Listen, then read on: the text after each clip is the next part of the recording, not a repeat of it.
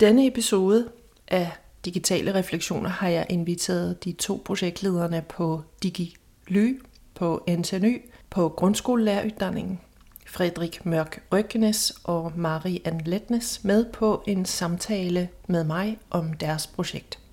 Her fortæller de om selve projektet, om det online kompetencehævingstiltag, som de har udviklet for ansatte på læreruddanning, men også om, hvad som fremmer og hæmmer projekter som dette. Du kan følge dette og de andre digitaliseringsprojekter i lærerutdanningen på ydir.no-digital-kompetence. Her er linker videre til de enkelte projekters sider. Jeg sitter her på Enkyld i Trondheim øh, på gangen. Der er alle rum er optaget, så der er litt baggrundsstøj. Jeg sitter her med de to projektledere for DigiLy, som er digitaliseringsprojektet på NTNY. Og vi skal snakke litt om, øh, om det prosjekt de har gang i. Øh, men først kunne øh, dere kanskje præsentere dere. Sige litt om, hvem dere er. Jeg heter Fredrik Mørke Røknes. Jeg jobber som førstemanns i engelsk fagdidaktikk ved Institutt for lærerutdanning, og en av prosjektlederne i DigiLu-prosjektet. Jeg heter Mariann Letnes og jobber på lærerutdanninga på NTNU. Eh, Jeg underviser i pedagogikk og i kunst og håndverk, og er en av prosjektlederne. Hva er det, deres prosjekt liksom går ut på? Hva er det, målet med prosjektet er? Uh, Målet i aller ytterste konsekvens er at uh, lærerstudentene skal få kjennskap til hvordan man kan bruke teknologi for å legge til rette for læring hos elever når de blir fremtidige lærere. Da. For å få til det eh, målet, så er vi nødt til å øke kompetansen hos de som hos det vitenskapelige personalet på lærerutdanninga, altså de som underviser de her studentene. Fordi at eh, de må på en måte lære å Eller få se no, noen muligheter som teknologien gir da, allerede i lærerutdanninga. Mens de eh, studerer til å bli lærere. Eh, Så derfor så har vi jobba med hvordan vi skal øke kompetansen hos eh, undervisere ved lærerutdanninga. Så hovedsakelig så har vi jobba med å øke den profesjonsfaglige digitale kompetansen hos lærerutdannerne, med håp om at eh, den profesjonsfaglige digitale kompetansen hos lærerstudentene også økes. Så det blir sånn toledda. Ja. Men hvordan, hvordan bygger man sånn et prosjekt opp? Hva består prosjektet så av for at nå det mål?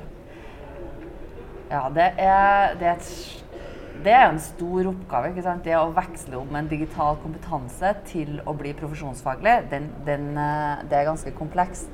Sånn at eh, For å få til det, så har vi delt prosjektet inn i fem delprosjekt. Hvor det første er et, eh, et online-kurs som vi har laga til lærerutdannerne, som de skal ta.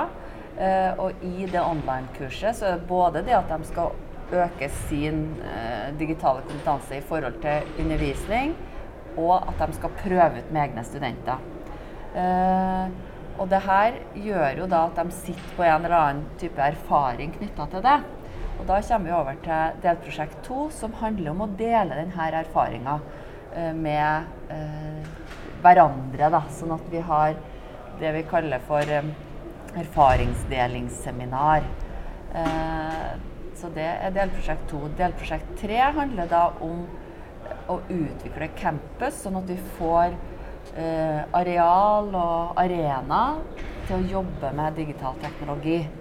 Eh, så det Vi må på en måte jobbe samtidig med å få få eh, altså klasserommene våre til å være fremtidige klasserom, da, på en måte. Mm. Eh, Så det er delprosjekt tre. Delprosjekt fire handler om eh, å nå ut til eh, det praksisfellesskapet som lærerutdanninga er en del av. Eh, og der har vi laga et eh, masteremne i profesjonsfaglig digital kompetanse. vi har valgt å lagt det på mellomtrinnet, både fordi at det er et spennende tidspunkt i elever sitt liv når det gjelder teknologi, men også fordi at det er ønska Trondheim kommune. da. Eh, sånn at eh, her har vi laga et 7,5 studiepoengsemne eh, i profesjonsfaglig digitalt. Så det er delprosjekt fire. Delprosjekt fem handler om praksis og det samarbeidet som lærerutdanninga har med praksisfeltet. Både i forhold til administrering av praksis, det, her kan vi bruke teknologi, men også hvordan eh, hva skal studentene eh, få av profesjonsfaglig digital kompetanse i praksisfeltet. Sånn at eh, det er de fem delprosjektene. Mm. Så det er ganske svært. Mm. Kunne dere si litt mer om det masteremnet som dere har utviklet? Ja, det kan, jeg, kan jeg si litt om. Um, det masteremnet, det, det vi har vært opptatt av der, er at det ikke skal handle om et kurs i verktøy. For verktøy det endrer seg altså så fort at uh, en app eller et program det er på en måte avleggs Det har liksom kanskje to-tre års levetid, og så er det noe nytt som kommer. Så det vi har valgt å fokusere på der, er mer didaktikk og pedagogikk i uh, hva skal jeg si da, i teknologitette omgivelser. Uh, hvordan, hva skjer med lærerrollen? Når teknologi får plass i klasserommet. Hva skjer med klasserommet? Hva skjer med elevrollen? Hva skjer med, med samfunnet for øvrig? Eh, og det vi har hatt stor fokus på der, er at eh, man må på en måte gjøre et lite skifte, da. Eh, tror jeg, eh, i forhold til didaktikken. Eh, og det er at vi kan ikke stå ovenfor eleven, vi må stå med han ved siden av og utforske det her sammen med eleven. Eh, og det har vi snakka mye om i det emnet, og vi har praktisert emnet på samme måte. Noe som har gitt oss masse innsikt i hvordan de lærerne som har kommet til oss for å ta det masteremnet, vi har på en måte stått ved siden av de lærerne og sett på ok, hva, hva skjer med didaktikken, hva skjer med pedagogikken, og hva skjer med lærerrollen og elevrollen. Og det har vært utrolig interessante diskusjoner. da. For det er kjempespennende, og da begynner det å bli virkelig interessant med teknologi, syns jeg. Når, man, når det, det, rykker litt ved oss. Vi er nødt til å tenke, vi kan ikke bare snu bunken, vi må tenke på nytt om læring, om elevrolle, lærerrolle osv. Jeg kunne forestille meg i den prosessen når man underviser på den måten, man stiller seg med studentene, mm. at man også selv lærer en masse av de refleksjonene. Ikke sant? Det er jo da det blir interessant. Mm. Uh, så det er ikke sånn at man lærer så lenge man lever, man lærer så lenge man har elever. Det, det er utrolig interessant, altså, at man, uh, at man uh, ikke helt veit hvordan den timen blir. Fordi man er nødt til å bruke de ressursene som er i klasserommet. Da. Og det er jo både elever, eller i vårt tilfelle da, lærere faktisk, ikke sant. Det er lærere, det er rommet, det er teknologi, det er alt det som man når via nettet. da, ikke sant? Alle de ressursene. Sånn at jeg tenker at uh, den didaktiske trekanten, uh, som har kanskje mål og helt øverst eleven på den ene sida, læreren på den andre sida og innholdet i midten. Man må nødt til å da flytte læreren over til eleven. og så tar man Der læreren sto, så blir det på en måte ulike ressurser. Altså, og, da, og de er jo multimodale. ikke sant? Både verbal, auditiv, visuell osv. Og, så og alle de her mediene som man kan utnytte da i å legge til rette for læring i et innhold mot et mål. Og det er, det er et, helt an, et, helt annet ståsted. da.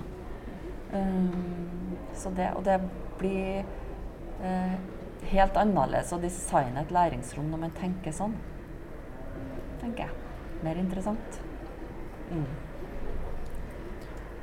Hvad med den, det første, dere nevnte, det første av de fem, det var uh, kurset for, uh, for, de ansatte. Kan dere fortelle litt mer om det?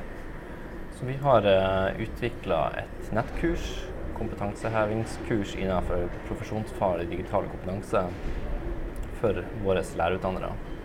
Det består av eh, fem moduler, inkludert en introduksjonsmodul, som vi ønsker at de ansatte skal ta eh, i løpet av et semester. Eh, vi har gitt våre ansatte 155 timer på arbeidsplanen frikjøp for å ta det kurset, så ikke det her oppleves som at det kommer oppå alt annet.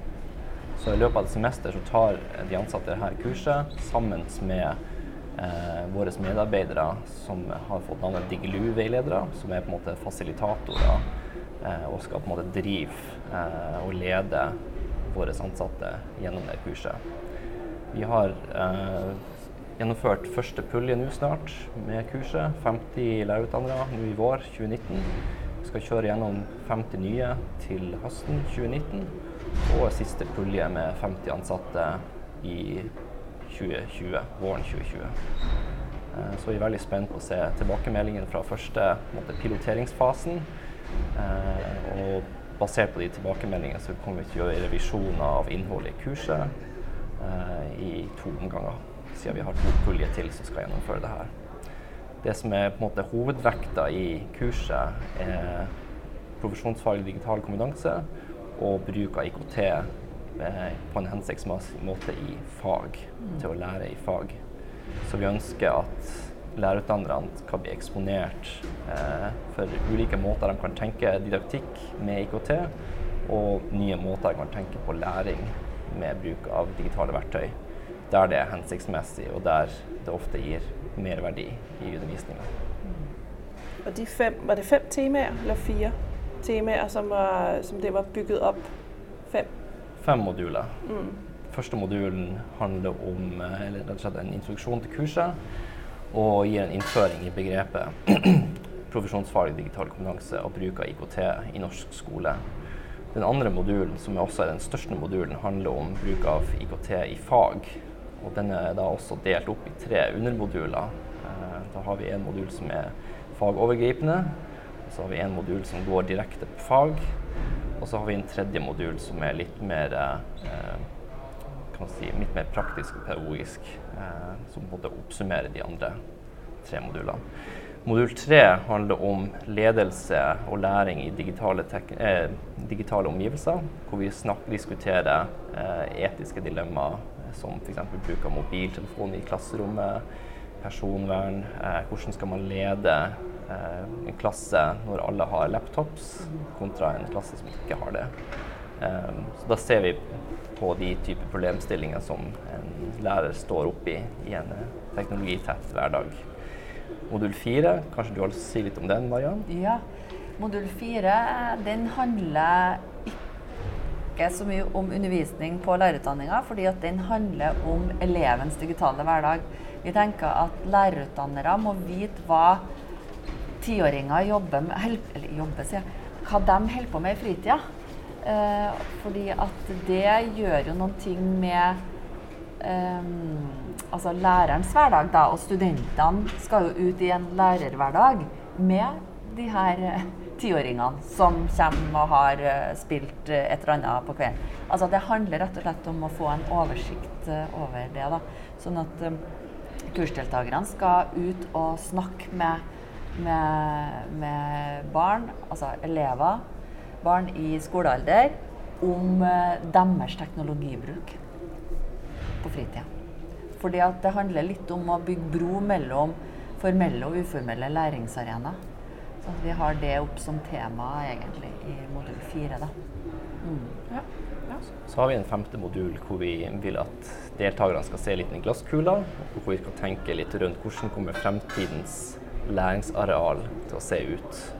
Eh, hvor vi ønsker at lærerutdannerne skal gjøre en oppgave hvor de skal designe et klasserom eller et læringslab for 2050. Hvordan kommer klasserom til å se ut i år 2050? Eh, hvor vi da utforsker ting som eh, f.eks. virtual reality, augmented reality og sånne type teknologier.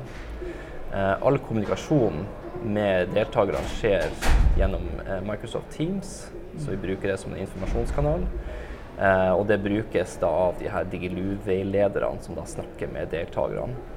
Eh, veilederne organiserer fysiske møter med deltakerne. Og det er veldig viktig at ikke alt det her er virtuelt. Det er faktisk en slags blended learning-kurs, det vi har designa.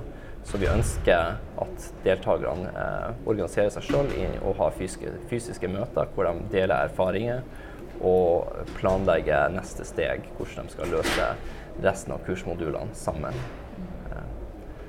Og så skal dette på en måte munne ut i en erfaringsdeling når kurset er ferdig, hvor to ulike fagseksjonsgrupper, f.eks. pedagogikk og kroppsøving, møtes og deler sine erfaringer fra kursgjennomføringa. Du sier at i øh, modul 2 er der, er der en, en, en, av de tre undertemaer handler om øh, det didaktiske med teknologi inn i fagene. Mm. Men hvordan legger man det til rette for når man har så mange ulike fag? Skal de selv liksom didaktisere det inn i deres fag, eller? Det er parallelle løp der. Sånn at det er en sant, modul Eh, skal vi se, hva blir det? Modul 2. Eh, to. Eh, der har du ett for kroppsøving, ett for kunst og håndverk, ett for matematikk. Et, sånn at det, Den er kjempesvær, og den ligger parallelt. da, Sånn at de går inn i sitt eget rom. Men de har, de har lov til å gå inn i de andre, men kunst og håndverk er på en måte inn i sitt rom. Wow, så det har vært, det har vært en, svær, en stor kjempeoppgave å uh, lage det kurset, høre. Mm. Det har vært veldig mange utviklere med spisskompetanse innenfor sitt fag. Og gjerne ofte ildsjeler som på en måte brenner for sitt fag og bruker teknologi. Mm. Og, og, mange av de utviklerne er jo veiledere nå. Sånn at uh, både har de de har jo jobba veldig med sitt fag, ikke sant? men de har jo også hatt noen som har jobba med de andre fire modulene rundt. Sånn at det, jeg kom jeg satt og tenkte på det nå når du snakka, Fredrik, at det er faktisk sånn at uh, Digilu Online kjøres også etter det prinsippet at veilederne på en måte tar kurset sammen med deltakerne. Sånn at de òg står ikke opp, opposit eller uh, ovenfor uh, deltakerne. De står sammen, sånn at de utforsker det her sammen. Så det er vel hele det største didaktiske prinsippet vi har både for Digilu Online, for videreutdanninga, og kanskje vi skal se på det på samme måte i praksis også. At vi må gjøre noe skifte her.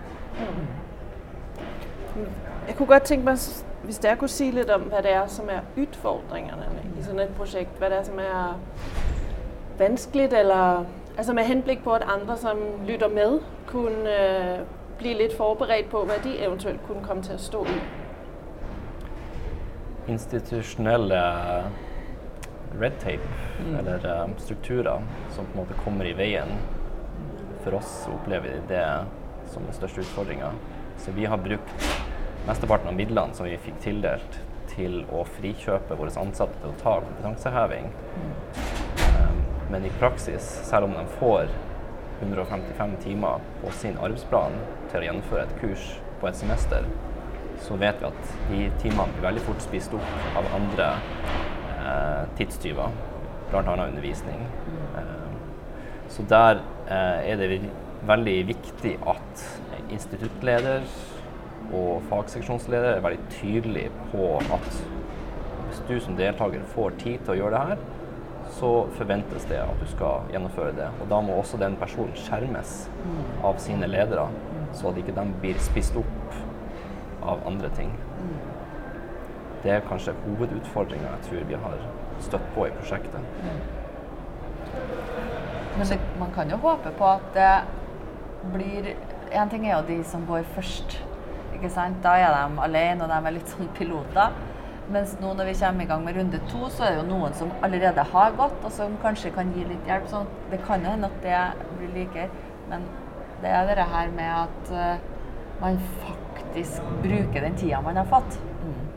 som er den største utfordringa. Så, som, så hvordan, kan man liksom, hvordan kan man håndtere den utfordringen? Du, du nevnte at det var ledelsen der liksom også måtte øh, Så noe med å skjerme øh, de ansatte og, øh, og, og, egentlig også formidle at det her det er viktig, og det er noe vi vil skal prioriteres mm. av dere og av oss som ledelse. Jeg tror det er viktig å være først og fremst hvis man skal starte et sånt prosjekt, å være bevisst på hvilket mandat og myndighet man har i en sånn prosjektstruktur.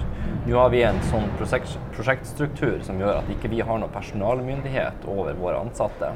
Så Derfor må vi spille, eller vi må ha en veldig tett dialog med ledelsen hele tida. Jeg tror det er veldig viktig for å få et sånt prosjekt til å eh, ha noen ringvirkning. Det er å hele tida ha ledelsen på, eh, på, lag.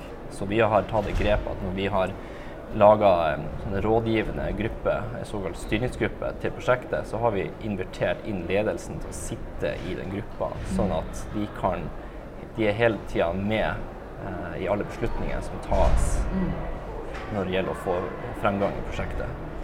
Det tror jeg nøkkelen til å få prosjektet til å funke, er å ha ledelsen med på laget fra dag én.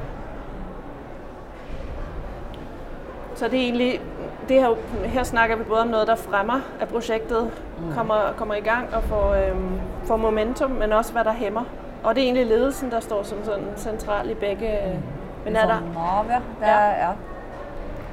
Men, eh, et annet moment em, som gjør at nettkurset vårt faktisk oppleves som legitimt av personalet, det er at når man utvikler f.eks. de fagmodulene i nettkurset, så må man spørre de ansatte som skal ta det kurset, hva kunne du tenkt deg å se i et sånt kurs? Hva er dine kompetansebehov innenfor IKT og læring i engelsk og fremmedspråk f.eks.?